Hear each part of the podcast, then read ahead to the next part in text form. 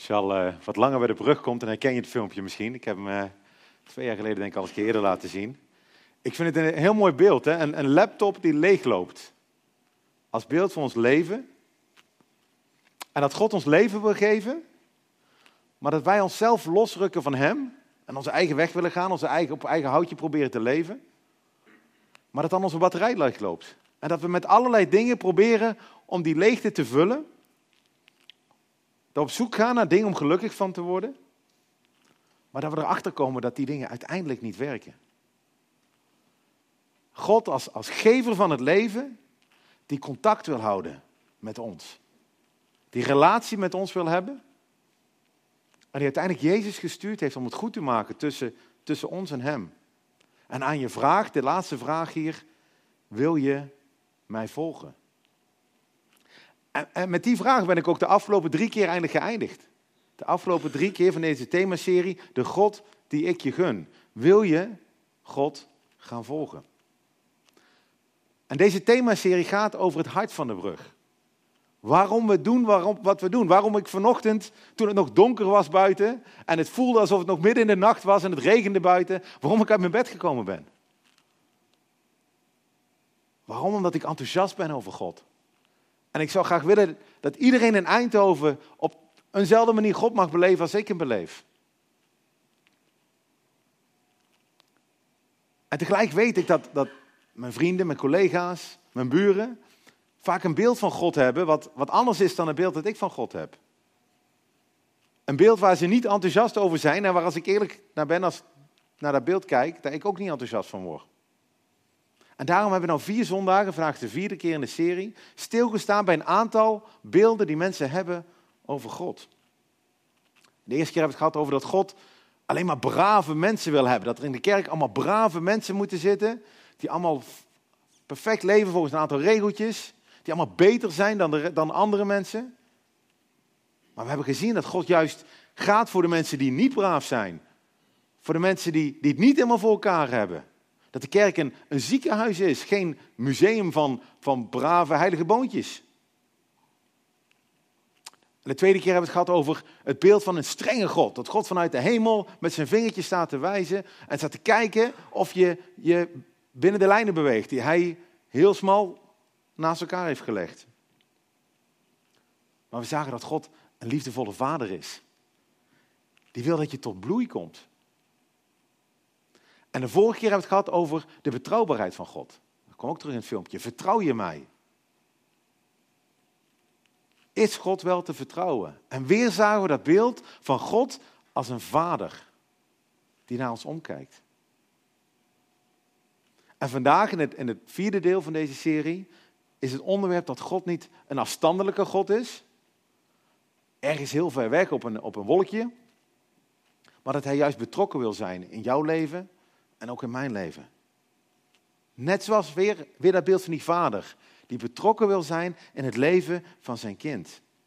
En ik wil het hier vanochtend niet alleen theoretisch of theologisch over hebben, dat ga ik natuurlijk wel doen, ik ben een natuurkundige, dus ik ga het ook theoretisch over hebben, maar ik wil juist vandaag ook hebben over heel praktisch. Hoe kunnen we dan contact krijgen met die God die er is, maar die we niet zien? Eerst daar dus over. Dat God, de God van de Bijbel, een God van relatie is. Dat klinkt vanzelfsprekend misschien, zeker als je in de kerk bent opgegroeid. Of als je, maar dat is eigenlijk helemaal niet zo vanzelfsprekend. Heel veel mensen op aarde en heel veel filosofen geloven dat absoluut niet. Er zijn heel veel mensen die wel geloven dat er een God is, dat er een kracht is, dat iets de hele boel in beweging heeft gezet. Dat er iemand misschien is. Maar de meeste mensen geloven dat hij niet meer betrokken is. Dat hij, net als een horloge of een klok, dat hij de boel in elkaar gezet heeft en één keer aangezwengeld heeft. En dat het nu doorloopt. Dat de aarde gewoon werkt via de natuurwetten. En dat God ver weg is en zich er niet meer mee bemoeit. Dat heet deïsme, als je er ooit van hoort. Deïsme. Dat is geloof in God, maar God die ons achtergelaten heeft.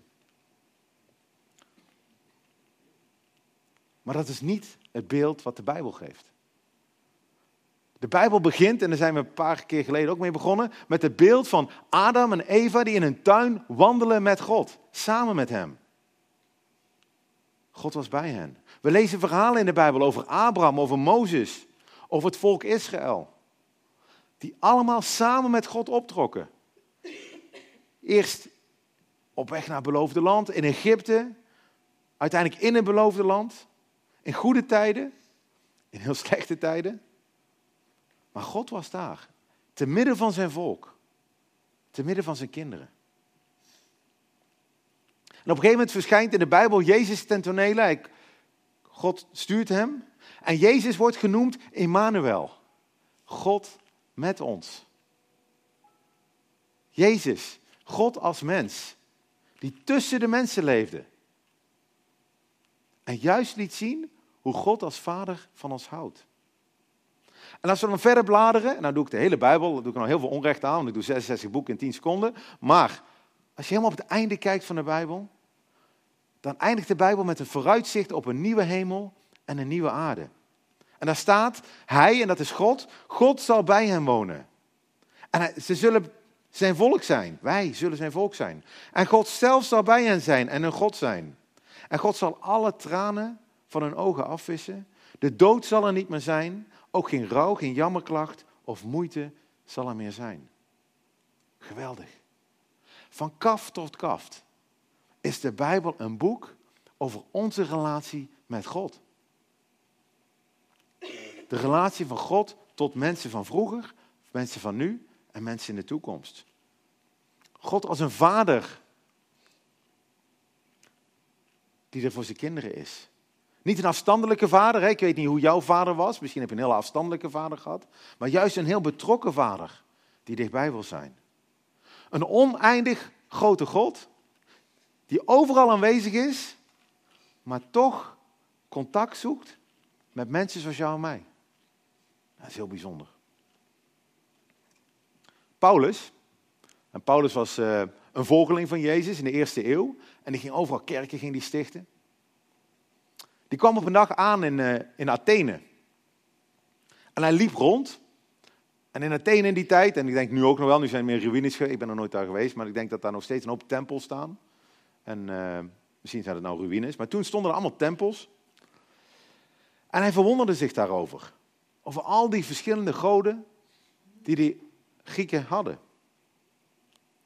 En, en het volgende gebeurde daar. Je kan meelezen, het staat in je programma. Er liggen ook bijbels op tafel. Kan je meelezen. Daar staat dit. Paulus stond midden op de Areopagus. En de Areopagus is, is, een, is een, een rots, een witte rots, daar in Athene. En hij zei, mannen van Athene, ik merk dat u in alle opzichten zeer godsdienstig bent. Hij zag dat ze zich enorm inspanden en iedere keer die tempels poetsten en schoonmaakten en allemaal offertjes kwamen brengen en heel druk bezig waren. En hij schrijft, want toen ik de stad doorging en uw heiligdommen bekeek, trof ik ook een altaar aan waarop het opschrift stond aan een onbekende God. Dat is heel bijzonder. Die Grieken hadden heel veel goden. Die hadden een god van, de, van het slechte weer, van het goede weer, van de wijn, van de drank, van de vakantie. Die hadden goden voor alles. Maar om er zeker van te zijn dat ze niet eentje zouden overslaan, hadden ze nog een aparte tempel gebouwd. Met daarop het opschrift aan de onbekende God. Want stel je voor dat we er eentje vergeten, dan wordt hij boos op ons. Dat willen we niet. Die God die zij niet kenden. En, en Paulus maakt daar gebruik van. Hij zegt, deze dan, die God die u dient, zonder dat u hem kent, die verkondig ik u, zegt Paulus. Hij zegt, wat fijn, wat geweldig dat jullie al rekening hebben gehouden dat jullie een God overgeslagen hebben. Want jullie hebben rekening gehouden nu met de God van de Bijbel. Jullie dienen hem, je poetst de tempel mooi, misschien brengen ze offers daar, maar jullie kennen hem niet. Paulus zegt, ik ben, ik ben enthousiast over deze God. Dit is de God die ik jullie gun en ik wil jullie daarover vertellen. En waarom ben ik er enthousiast over? Want deze God heeft de wereld gemaakt en alles wat daarin is. Paulus zegt, de God die ik jullie gun, is de schepper van hemel en aarde. Hij heeft alles gemaakt. Het is leuk dat jullie een, een, een, een tempeltje hebben van God die van de bliksem is. Maar de God van de Bijbel is veel groter dan dat. Die is de God van de bliksem en van de wijn en van de herfstvakantie en van de oorlog en van de vrede. Maar de God die ik jullie gun, zegt Paulus, heeft alles gemaakt. Deze, die een Heer van de hemel en de aarde is, die woont niet in tempels die met handen gemaakt zijn. Hij wordt ook door mensenhanden niet gediend alsof hij iets nodig heeft, omdat hij zelf aan alle het leven, de adem en alle dingen geeft. De God die ik jullie gun, zegt Paulus, is zo groot dat hij niet eens in een tempel kan wonen. Daar is hij te groot voor. Hij is overal. Hij heeft ook helemaal niks nodig. Alles is al van hem. Je kunt hem niks geven wat hij al niet heeft. Dat vergeten we soms. Wij zijn soms net, wij denken soms van, oh kijk eens God wat ik voor u heb. En dan doen we een euro in, uh, maken we over naar, weet ik wel, naar een kerk of zo. Geweldig hè? Maar we vergeten dat we eigenlijk net zijn als een kind. Die aan zijn papa geld leent om een vaderdagscadeautje te kopen. Zo zijn we een beetje. Dat doen mijn kinderen ook. Papa, mag ik geld, want u bent jarig binnenkort. Ja, dan geef je je kinderen geld en dan kopen ze iets. En dan... Maar van wie was dat?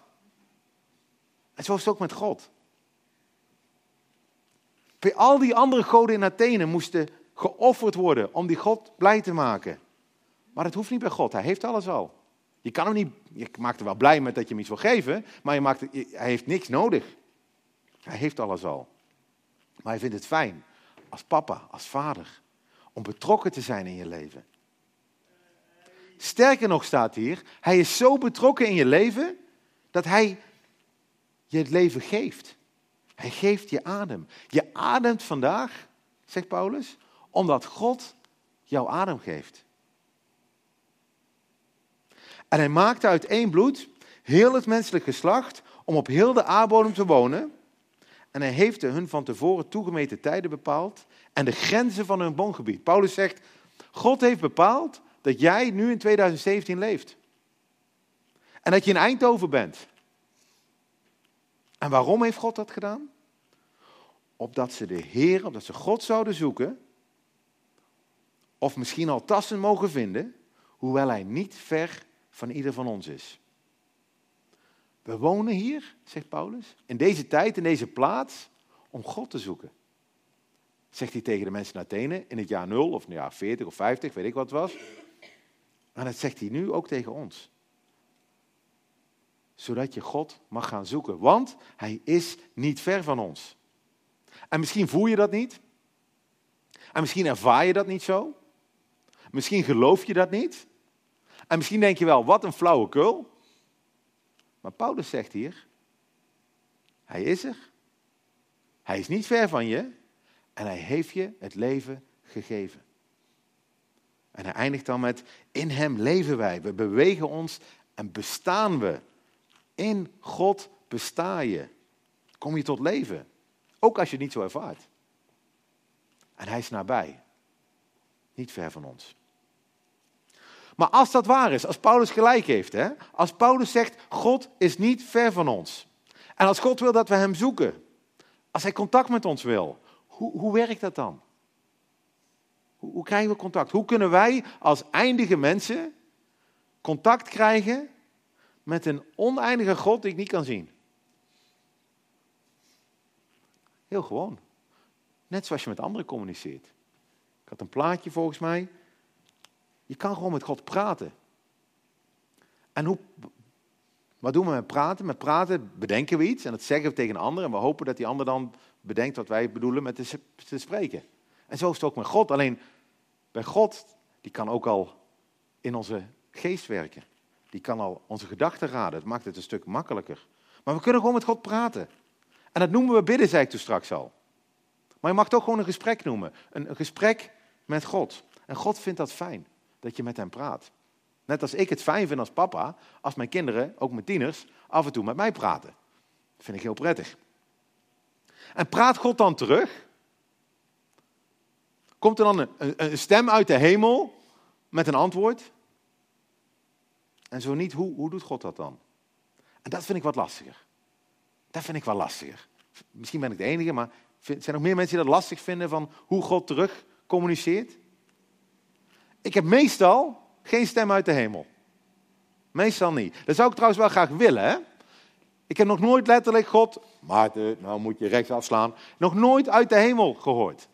En ik zou het wel graag willen. Ik vraag God er ook wel eens voor. Vooral als ik keuzes moet maken. Van Heer, Zeg nou gewoon tegen mij wat u wil. Dat is veel makkelijker, want dan moet ik op zoek en dat vind ik allemaal moeilijk.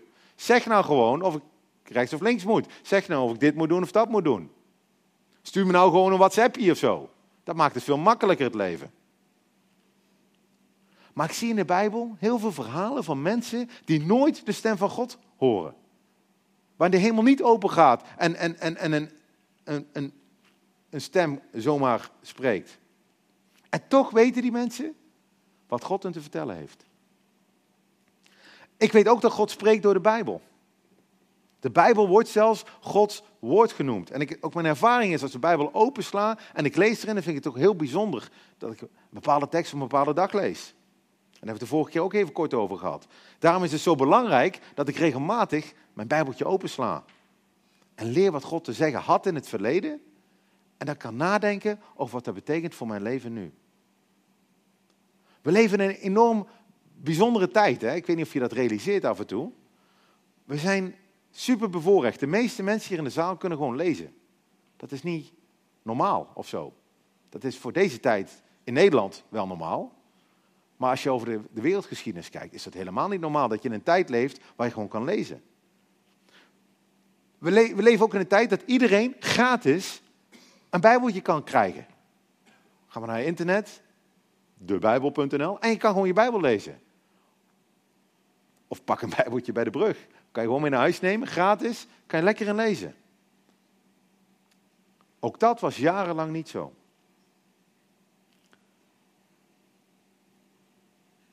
Als je wil dat God tot je spreekt, open dan die Bijbel. Ga lezen en vraag aan God, en dan kan je gewoon, die vraag kan je gewoon stellen, wat hij jou te zeggen heeft door, dit, door het oude boek. God spreekt door de Bijbel. God spreekt door je geweten. God spreekt door je gedachten. God spreekt door gevoelens. God spreekt soms door verlangens die zomaar naar boven komen. En dat doet hij best vaak. Maar dan is het wel belangrijk om te weten welk gevoel en welk verlangen van hem komt en welke van jezelf komt. Best belangrijk. Als ik op mijn werk rondloop en er komt een mooie dame aan en mijn verlangen zegt: Hé hey Maarten, dat is een leuke dame. Dan is dat, denk ik, niet de stem van God op dat moment. Want als ik in de Bijbel kijk, zegt God: Nee, één vrouw, niet twee, daar komt een hoop ellende van. Verhalen vol van in de Bijbel. Van mensen die meer dan één vrouw hebben en waar het allemaal misgaat. Dus ik weet op een gegeven moment, uit die Bijbel weet ik, dit vindt God oké en dit vindt God niet oké. Dus dat verlangen wat ik op dat moment heb, komt dan waarschijnlijk niet van God af. Hoe weet je nou wat van jou komt en wat van God komt? Jezus zegt dat hij een goede herder is. Ja, dan zijn wij schapen, dat is natuurlijk het nadeel. Maar dat is wel een beeld dat hij gebruikt, dat wij schapen zijn en hij een herder. En hij zegt, zijn schapen herkennen zijn stem. Zou jij dat herkennen? Zou jij het herkennen als God tegen je spreekt vanochtend? Zelfs als je niet gelooft. Zou jij herkennen dat God tegen je spreekt? De enige manier volgens mij om iemands stem te leren herkennen, is door tijd met iemand te besteden. Dan weet je wat, wat bij die persoon hoort, wat past in het karakter van de ander, welke woorden die gebruikt, hoe die praat. Ik kwam van een week een heel interessant artikel bezig over Google. Google is ermee bezig, als je Gmail hebt, om te leren hoe jij praat. Welke woorden jij gebruikt, hoeveel uitroeptekens, hartjes, hoeveel hashtags, is Google aan het leren van jou. En de bedoeling van Google is dat als je een vriend van jou zegt van, hey, heb jij zin om volgende week zaterdag naar mijn feestje te komen? Dan geeft hij drie suggesties. Ja, nee en misschien. Maar op zo'n manier geformuleerd dat jouw vrienden denken dat jij het geschreven hebt.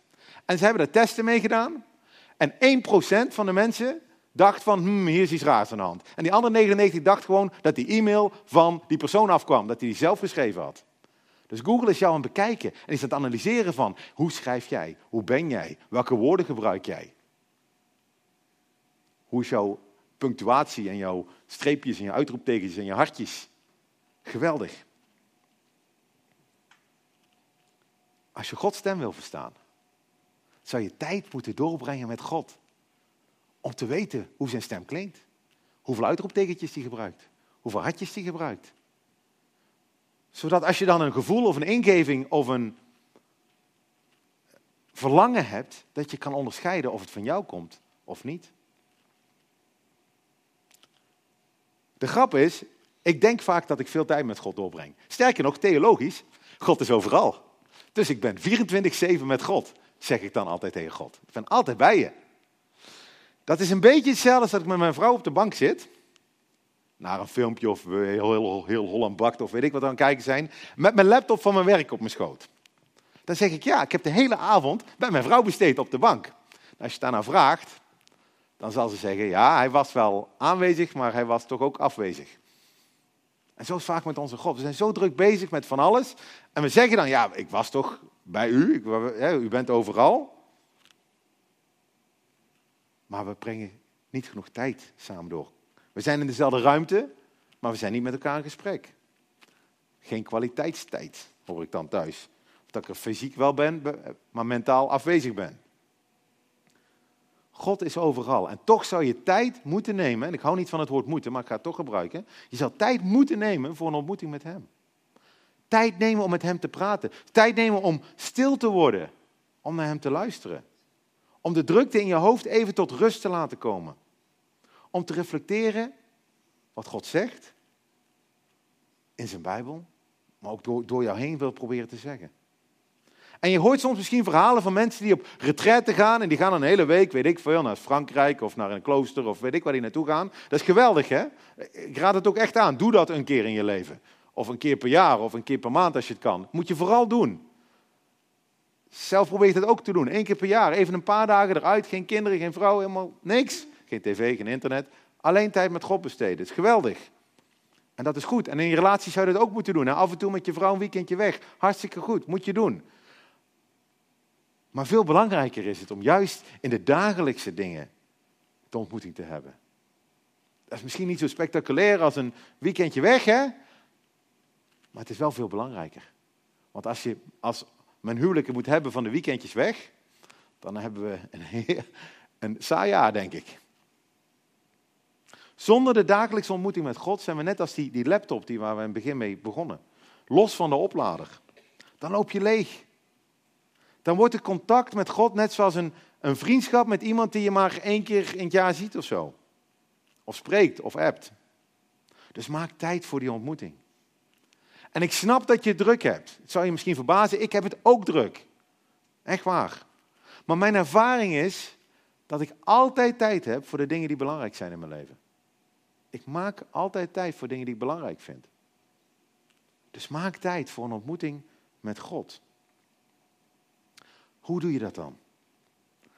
Nou, een paar jaar geleden luisterden we naar een, eh, een videootje van iemand en die sprak hierover, over tijd nemen met God. En, en die man die had het over een plekje kiezen om God dagelijks te ontmoeten. Gewoon ergens. Kies een plekje, een vast plekje.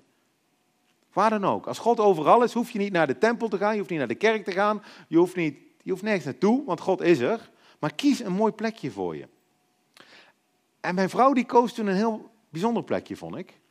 Bij het raam in onze uitbouw, waar ze kan kijken op, uh, naar buiten kan kijken, naar het gras. Blijkbaar mooi, het gras. Kopje thee in de hand. In een schommelstoel. En daar heeft ze haar ontmoeting met God. Dagelijks een kopje thee met God. En als je met haar praat, dan merk je wanneer ze die ontmoeting gehad heeft. Ze schrijft daar ook op in een klein boekje. Als ze wat gehoord heeft. Als ze wat gelezen heeft. Hoe God tot haar gesproken heeft op die dag. Waar is jouw plekje? Waar is jouw plekje waar je dagelijks God ontmoet? Waar je dagelijks een kopje thee of koffie met hem drinkt? Waar is de plekje waar je van hem hoort wie je deze week moet bellen? Wie een kaartje nodig heeft? Waar is de plek waar je bemoedigd wordt door hem? Waar is de plek waarvan je, waar hij tot jou kan spreken? Ik wil je uitdagen. De komende weken, we hebben nu drie weken tot de volgende dienst. Kies een moment en een plek. Om tien minuten per dag, dat is niks jongens, tien minuten. Tien minuten per dag tijd met God te besteden. Een fijn plekje. Kies een fijn plekje waar je niet gestoord wordt. Hè? Dat kan buiten zijn in je auto, dat kan ergens zijn op je bed, uh, dat kan, uh, ik heb een tijdje gehad op de toilet, deur op slot, werd niet gestoord door die kinderen. Echt heel fijn. God vindt dat niet erg, die is ook in dat kleine ruimtetje in het huis. Niet erg. Maakt niet uit. Maar ervaar zijn aanwezigheid. Lees een klein stukje uit de Bijbel. Niet, niet, niet meteen de hele Bijbel gaan lezen. Dat mag wel, maar dat raad ik niet aan. Lees een paar zinnen eruit. Praat een paar minuten met God. En schrijf eens op wat je ervaart, wat je bezighoudt. Wat je moeilijk vindt. Waar je antwoorden op zoekt. Vraag aan God of hij je richting wil geven in je leven. En ik weet zeker dat het je leven zal veranderen. Zelfs al in drie weken tijd. En dat gun ik je. God wil jou heel graag ontmoeten. Hij houdt van contact. Hij wil graag betrokken zijn in je leven. En je zal merken dat zo'n ontmoeting doorwerkt in de rest van je dag. Ik had een paar weken geleden, kwam een vriend van mij uit noorden, die kwam op bezoek, smiddags bij ASML. Ik heb niet zoveel tijd, maar bij ASML heb ik wel lunchtijd. Dus hij zei, nou kom naar ASML toe, drinken we daar een bakje koffie en hij ging ook weer door. En later op die dag dacht ik nog aan die ontmoeting met die vriend van mij. En ik kwam thuis en ik vertelde Nicole over waar we het over gehad hebben. En zo gaat het ook met God. Als je een ontmoeting ochtends hebt gehad met God, dan werkt dat door in de rest van de dag. Dan word je bewuster van zijn aanwezigheid. Kan je beter zijn stem verstaan. Helpt hij je met keuzes. Dan zie je ook veel scherper om je heen de noden van anderen, merk ik. Dan kan je er ook zijn voor een ander. Dan durf je ook meer. Ik vind het zo spannend op mijn werk. Hier praat ik makkelijk over God en we zijn in de kerk. Maar op mijn werk vind ik dat toch een stuk spannender. Maar ik merk als ik veel tijd met God besteed, gaat dat makkelijker. Ben ik ook veel alerter op wat er gebeurt. Weet ik ook dat Hij bij me is, ook in die moeilijke momenten. En juist dan, als het met mijzelf moeilijk gaat, kan ik daar weer op terugvallen. Ik vond het uh, moeilijk, bedacht ik me, lastig, vanochtend, om iets te delen over moeilijke momenten in mijn leven. Niet dat die er niet zijn, maar als je vanaf een afstandje naar mij kijkt, en dat doen de meesten van jullie nou, zeker 4 of 5 meter. Als je van een afstandje naar mij kijkt, dan denk je, ja Maarten, het gaat eigenlijk best goed met jou. Je hebt een mooie baan, je hebt een mooie vrouw, je hebt leuke kinderen, je bent gezond. Er zijn genoeg dingen waar ik dankbaar voor God voor ben dat ze zo zijn. Ehm, maar hoe werkt dan dat contact met God en dat gesprek met God als het niet goed met je gaat? Als je zelf wat beperkt bent in wat je kan doen, als je meer wil doen dan dat je kan op een dag.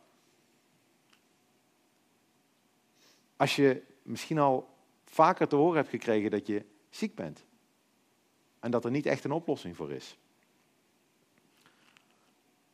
En, uh, een vriend van mij, en dat is al een tijd geleden, 16 jaar geleden, vertelde me dat zijn zoon ging trouwen. En uh, dat was hartstikke leuk. Maar hij vertelde wel iets erbij. Hij zegt, mijn aanstaande schoondochter heeft volgens de doktoren nog maar een paar jaar te leven. Dat vond ik heel bijzonder. Dat iemand, en hier zit hij trouwens, Bram, dat hij ging trouwen met, met, met Monique, wetende dat ze wellicht maar een paar jaar te leven had. En toen zei ik nog tegen Nicole, ik zei, op een bruiloft praat je vaak tot de dood ontscheidt. Maar weet je, als je 20 bent en gaat of 25 of 30, dan denk je er eigenlijk niet zo over na. Jullie dachten daar wel over na. Dat, dat, dat, weet ik zeker, dat dat, dat dat wel echt een heel andere betekenis heeft. Als je dan tegen elkaar zegt, tot de dood ontscheidt. Maar het mooie is, dat het 16 jaar geleden is. En het mooie is, dat Monique vanochtend is. En ik wil nog één ding zeggen voordat ik Monique naar voren haal. Want Monique gaat zo meteen iets, iets verdelen over haar leven met God. De grap is, al een half jaar geleden denk ik, had ik tijd met God. En toen dacht ik, ik moet Monique een keer uitnodigen. Ik moet Monique een keer uitnodigen om hier eens een keer te komen spreken bij de brug over haar leven. En ik appte Monique, ik zeg Monique, hoe zou jij het vinden om bij de brug een keer iets te komen zeggen? En ik had een weekend en toen waren jullie weg, toen kon het allemaal niet. Maar Monique zei tegen mij, weet je wat nou zo bijzonder is? Ik was hier net met God over aan praten. Over hoe ik vaker mijn verhaal kan vertellen aan mensen. En ik, ik ben ermee bezig met God. Dus zij was met iets bezig. Ik, ik wist daar niks van. En ik, ik appte haar en zij zei, hé, hey, dat is bijzonder. En zo werkt het vaak. Als je met God aan het praten bent en dan geef je een ingeving van, hé, hey, misschien moet ik Monique eens bellen of appen. Dat God al lang bezig is en, en al op tien stappen voorloopt. En het is eindelijk zover gekomen dat jij hier bent, Monique. Ehm, ik wil Monique vragen, ja, kom maar naar voren. En het is mooi om van haar te horen hoe God betrokken is in haar leven. Al lijkt het vanaf een afstandje, voor de mensen die Monique niet kennen, dat God toch ver weg is. En dat hij Monique misschien aan de lot heeft overgelaten. Maar dat is niet zo. Maar dan laat ik haar wel vertellen. Ik heb hier een microfoon. Je mag op het podium komen staan als je wil. Zal ik je een hand geven? Of weer een stoel? Oh, kijk, dat is er allemaal. Je weet dat. Dankjewel. Heb je in vrede staan? Mooie foto, hè? Ik ben 19 of zo op de foto. Als je op Monique Venhuizen tikt of Google, krijg je die foto. Oké. Nou. En ik vond hem schattig. Ja, nou, die is uh, eh, 17 jaar oud, die foto. Maar goed. Um, ja, jullie hebben het gehoord. Maarten heeft mij gevraagd wat uh, te delen over mijn leven hier. Ik zie maar een paar bekende gezichten, dus uh, het gros zal mijn verhaal niet kennen. Um, nou, ik ben dus Monique. Ik ben inmiddels 15 jaar getrouwd met Bram, in april 16. Um, ehm, ik woon in Eindhoven uh, en ik ben 37 jaar. En van die 37 jaar ben ik 37 jaar ziek. Um, toen ik acht jaar uh, oud was, hebben mijn ouders al een enorm traject met mij gehad. Uh, van arts naar arts om te kijken wat er met mij aan de hand was. Ik was heel vaak ziek. Ik had een, een lage weerstand. Um, en ik leek veel sneller vermoeid te zijn dan mijn broertjes. Mijn ouders hebben keer op keer te horen gekregen dat ze overbezorgde ouders waren. En dat er niks aan de hand was. Totdat er op een dag um, een kinderarts was die zei: Volgende maand komt hier een kindercardioloog. Uh, ik zal haar daar naartoe sturen. En als die het niet meer weet, weet ik het ook echt niet meer. Um, die kindercardioloog onderzocht mij. En die um, heeft direct tegen mijn ouders gezegd dat ik naar Amsterdam moest komen voor onderzoek. Daar is uitgekomen dat ik uh, geboren ben met het syndroom van Eisenmenger. Uh, ingewikkelde ziekte, maar in Jip en Janneke taal komt het erop neer dat ik een gat tussen mijn beide hartkamers heb en dat mijn longen heel slecht ontwikkeld zijn. Um, de prognose bij die ziekte is niet best. Het is een progressieve ziekte, wat betekent dat het uh, steeds slechter zal gaan tot de dood erop volgt. En mijn ouders kregen te horen dat ze zich erop voor moesten bereiden dat ik niet ouder zou worden dan 18 jaar. Ik ben inmiddels 37, dus dat heb ik in elk geval gehaald. Um, de gevolgen van deze ziekte uh, zijn heel erg veel. Ik heb heel weinig zuurstof. Zo weinig zuurstof dat als jullie diezelfde hoeveelheid zuurstof zouden hebben op dit moment, dat overleef je niet. Um, ik ben heel snel buiten adem. Ik ben vaak benauwd. Uh, ik zie vaak wat blauwer. Uh, mijn lippen, mijn wangen, mijn nagels. En ik ken alle gradaties van vermoeidheid. Van een heel klein beetje vermoeid. Nou ja, heel klein ken ik eigenlijk niet. Van gewoon vermoeid tot echt volslagen uitgeput. Um, ik heb weinig weerstand. Uh, ben heel snel verkouden. Moet vooral uit de buurt blijven voor mensen die iets onder de leden hebben. Uh, ik heb het heel vaak koud. Ik heb altijd wel ergens ontstekingen. En um, ik heb twee keer per jaar controles bij mijn cardiologen. En die zijn altijd weer verbaasd en opgelucht als ik naar binnen kom. Want dat betekent dat ik nog leef. Um, het is nog steeds zo dat ik elk moment kan overlijden, hoewel ik daar niet naar leef. Um, maar de grootste strijd speelt zich hier af, in mijn hoofd. Vermoeidheid vertekent en vergroot. Het maakt heel emotioneel. En ik ben heel veel alleen thuis, omdat ik nou eenmaal veel moet rusten. Uh, waardoor ik alle tijd heb om na te denken. En dat is niet altijd even positief. Ik kan jullie heel veel verhalen vertellen over uh, angst, verdriet en wanhoop in mijn leven. Um, toen ik een klein meisje was, vertelde mijn moeder mij dat God een kruik bijhoudt waarin hij je tranen bewaart. En ik ben ervan overtuigd dat mijn kruik echt gigantisch moet zijn. Maar ik kan jullie nog veel meer verhalen vertellen over Gods liefde, zijn zorg, zijn nabijheid, zijn cadeaus, zijn grootheid, zijn troost en zijn verrassingen in mijn leven. Als kind groeide ik op als een betrekkelijk normaal kind. Oké, ik was wat sneller ziek en tikkertje was niet mijn favoriete spelletje. Maar verder kon ik vrij goed meekomen in alles. Um, totdat op mijn veertiende plotseling mijn broertje overleed bij een ongeluk. En met al die emoties die toen loskwamen, ging mijn gezondheid achteruit. Ik heb uh, langzaam steeds meer op moeten geven. Ik hield van dansen, maar ik zakte door mijn benen vanwege de vermoeidheid. Ik ben dol op fietsen, maar dat ging gewoon niet meer. Dus ik kreeg een scooter van mijn ouders. Gisteren hoorde ik nog iemand van de jeugdvereniging van toen dat die heel jaloers was omdat ik een scooter kreeg. Nou, dat vind ik dan wel wel grappig, want daaruit blijkt dat ik in elk geval niet ziek eruit zie. Maar op een gegeven moment ging het scooterrijden ook niet meer, omdat dat gewoon simpelweg te koud was en uh, moest ik autorijden. Mijn baantje heb ik op moeten geven en zo werd het steeds en steeds meer. Maar ik kwam ook uh, de man van mijn dromen tegen. Wij trouwden. Um, dat was een prachtige dag, maar heel snel daarna ging mijn gezondheid heel erg achteruit.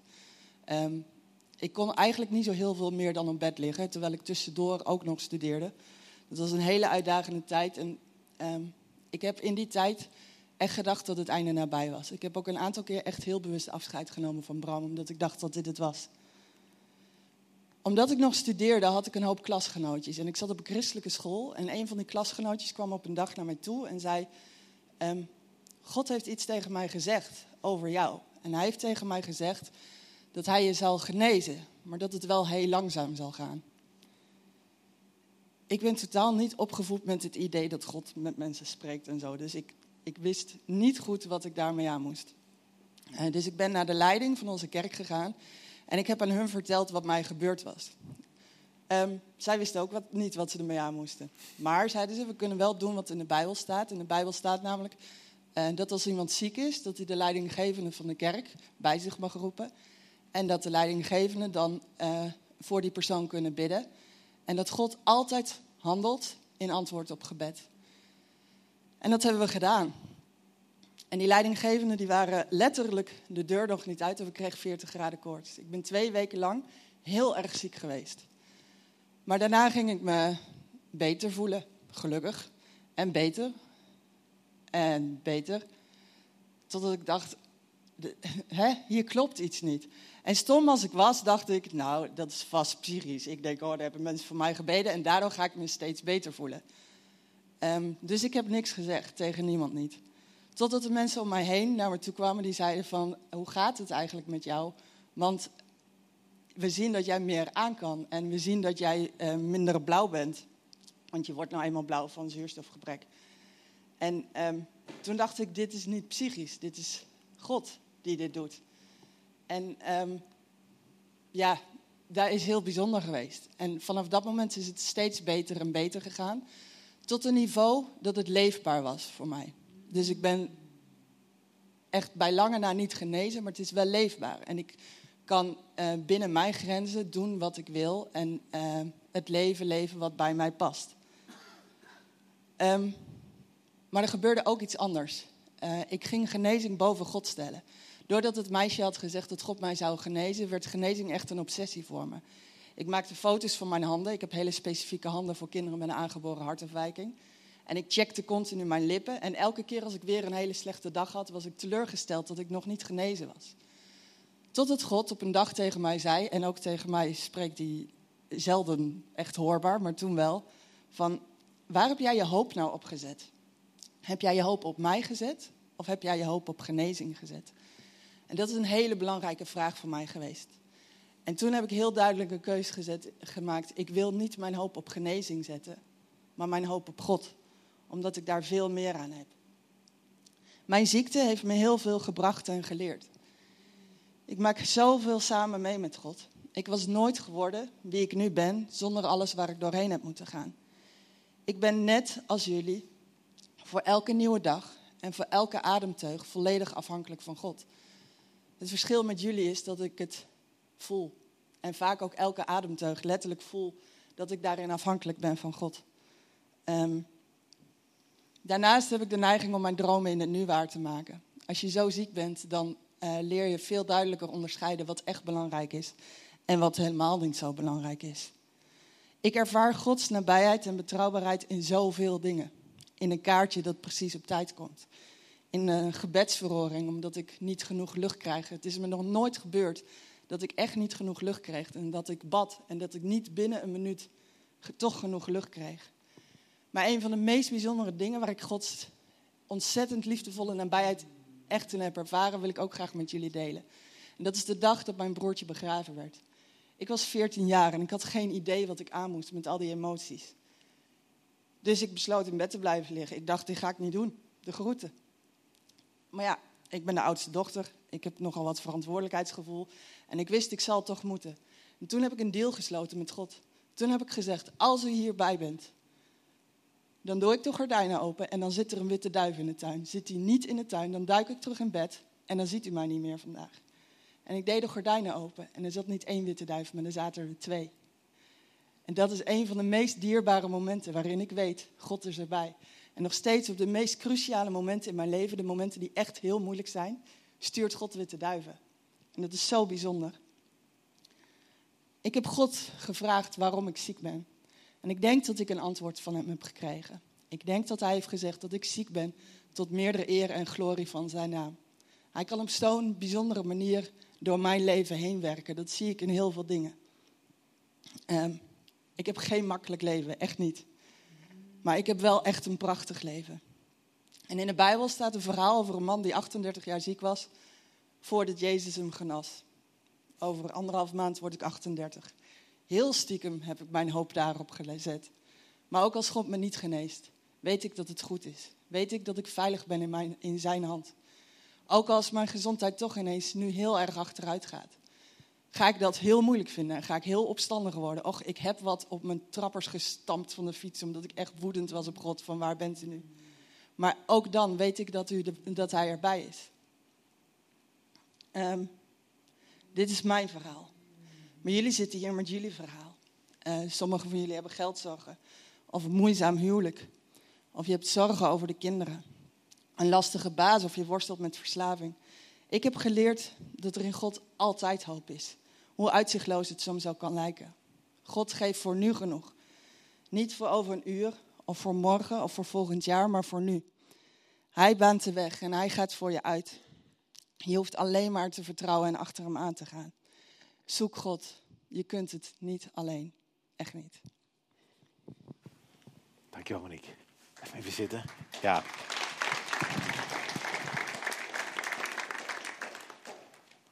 Dat is mijn uh, spiekbriefje. Dankjewel. Ja, ik heb daar weinig aan toe te voegen. Ik vind het, uh, raakt mij, merk ik, weer. Ik ga voor jou bidden, Monique, als dat mag. Hemelse Vader, u bent hier en we mogen alles aan u vragen, Heer. En ik dank u, Heer, dat u, uh, dat u Monique hier aan ons gegeven heeft vanochtend met haar verhaal. Over u, hoe u bij haar bent in haar leven. Heer, we bidden voor haar gezondheid en we danken u dat ze hier, bijna 38 jaar oud, hier bij ons is. We bidden voor genezing, Heer. We danken u, Heer, dat ze genezing niet op uw plek gezet hebt, Heer.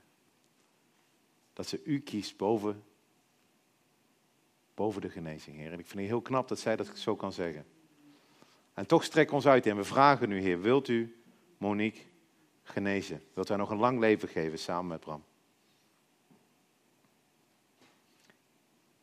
Heer, zo wil ik voor ons allemaal hier bidden, zoals we hier zitten. Monique zei het zo mooi. En Paulus zei het ook al. Die adem die ik nu inadem, Heer, heb ik van u gekregen. Alles is van u. Heer, help ons om contact te maken met u.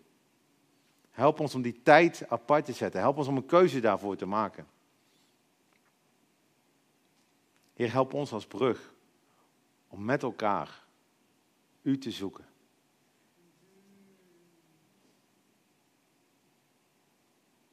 Dank u, Heer, dat u nabij bent, dat we met u kunnen praten, dat u ons hoort, dat u ons gebed beantwoordt, Heer, ook soms op manieren die we niet willen. Help ons, Heer. We gaan nu zingen. We gaan zingen over beautiful things, Heer. Dat u dingen uit de stof gemaakt hebt. Zoals mij en zoals jou. Dat u alle dingen nieuw maakt.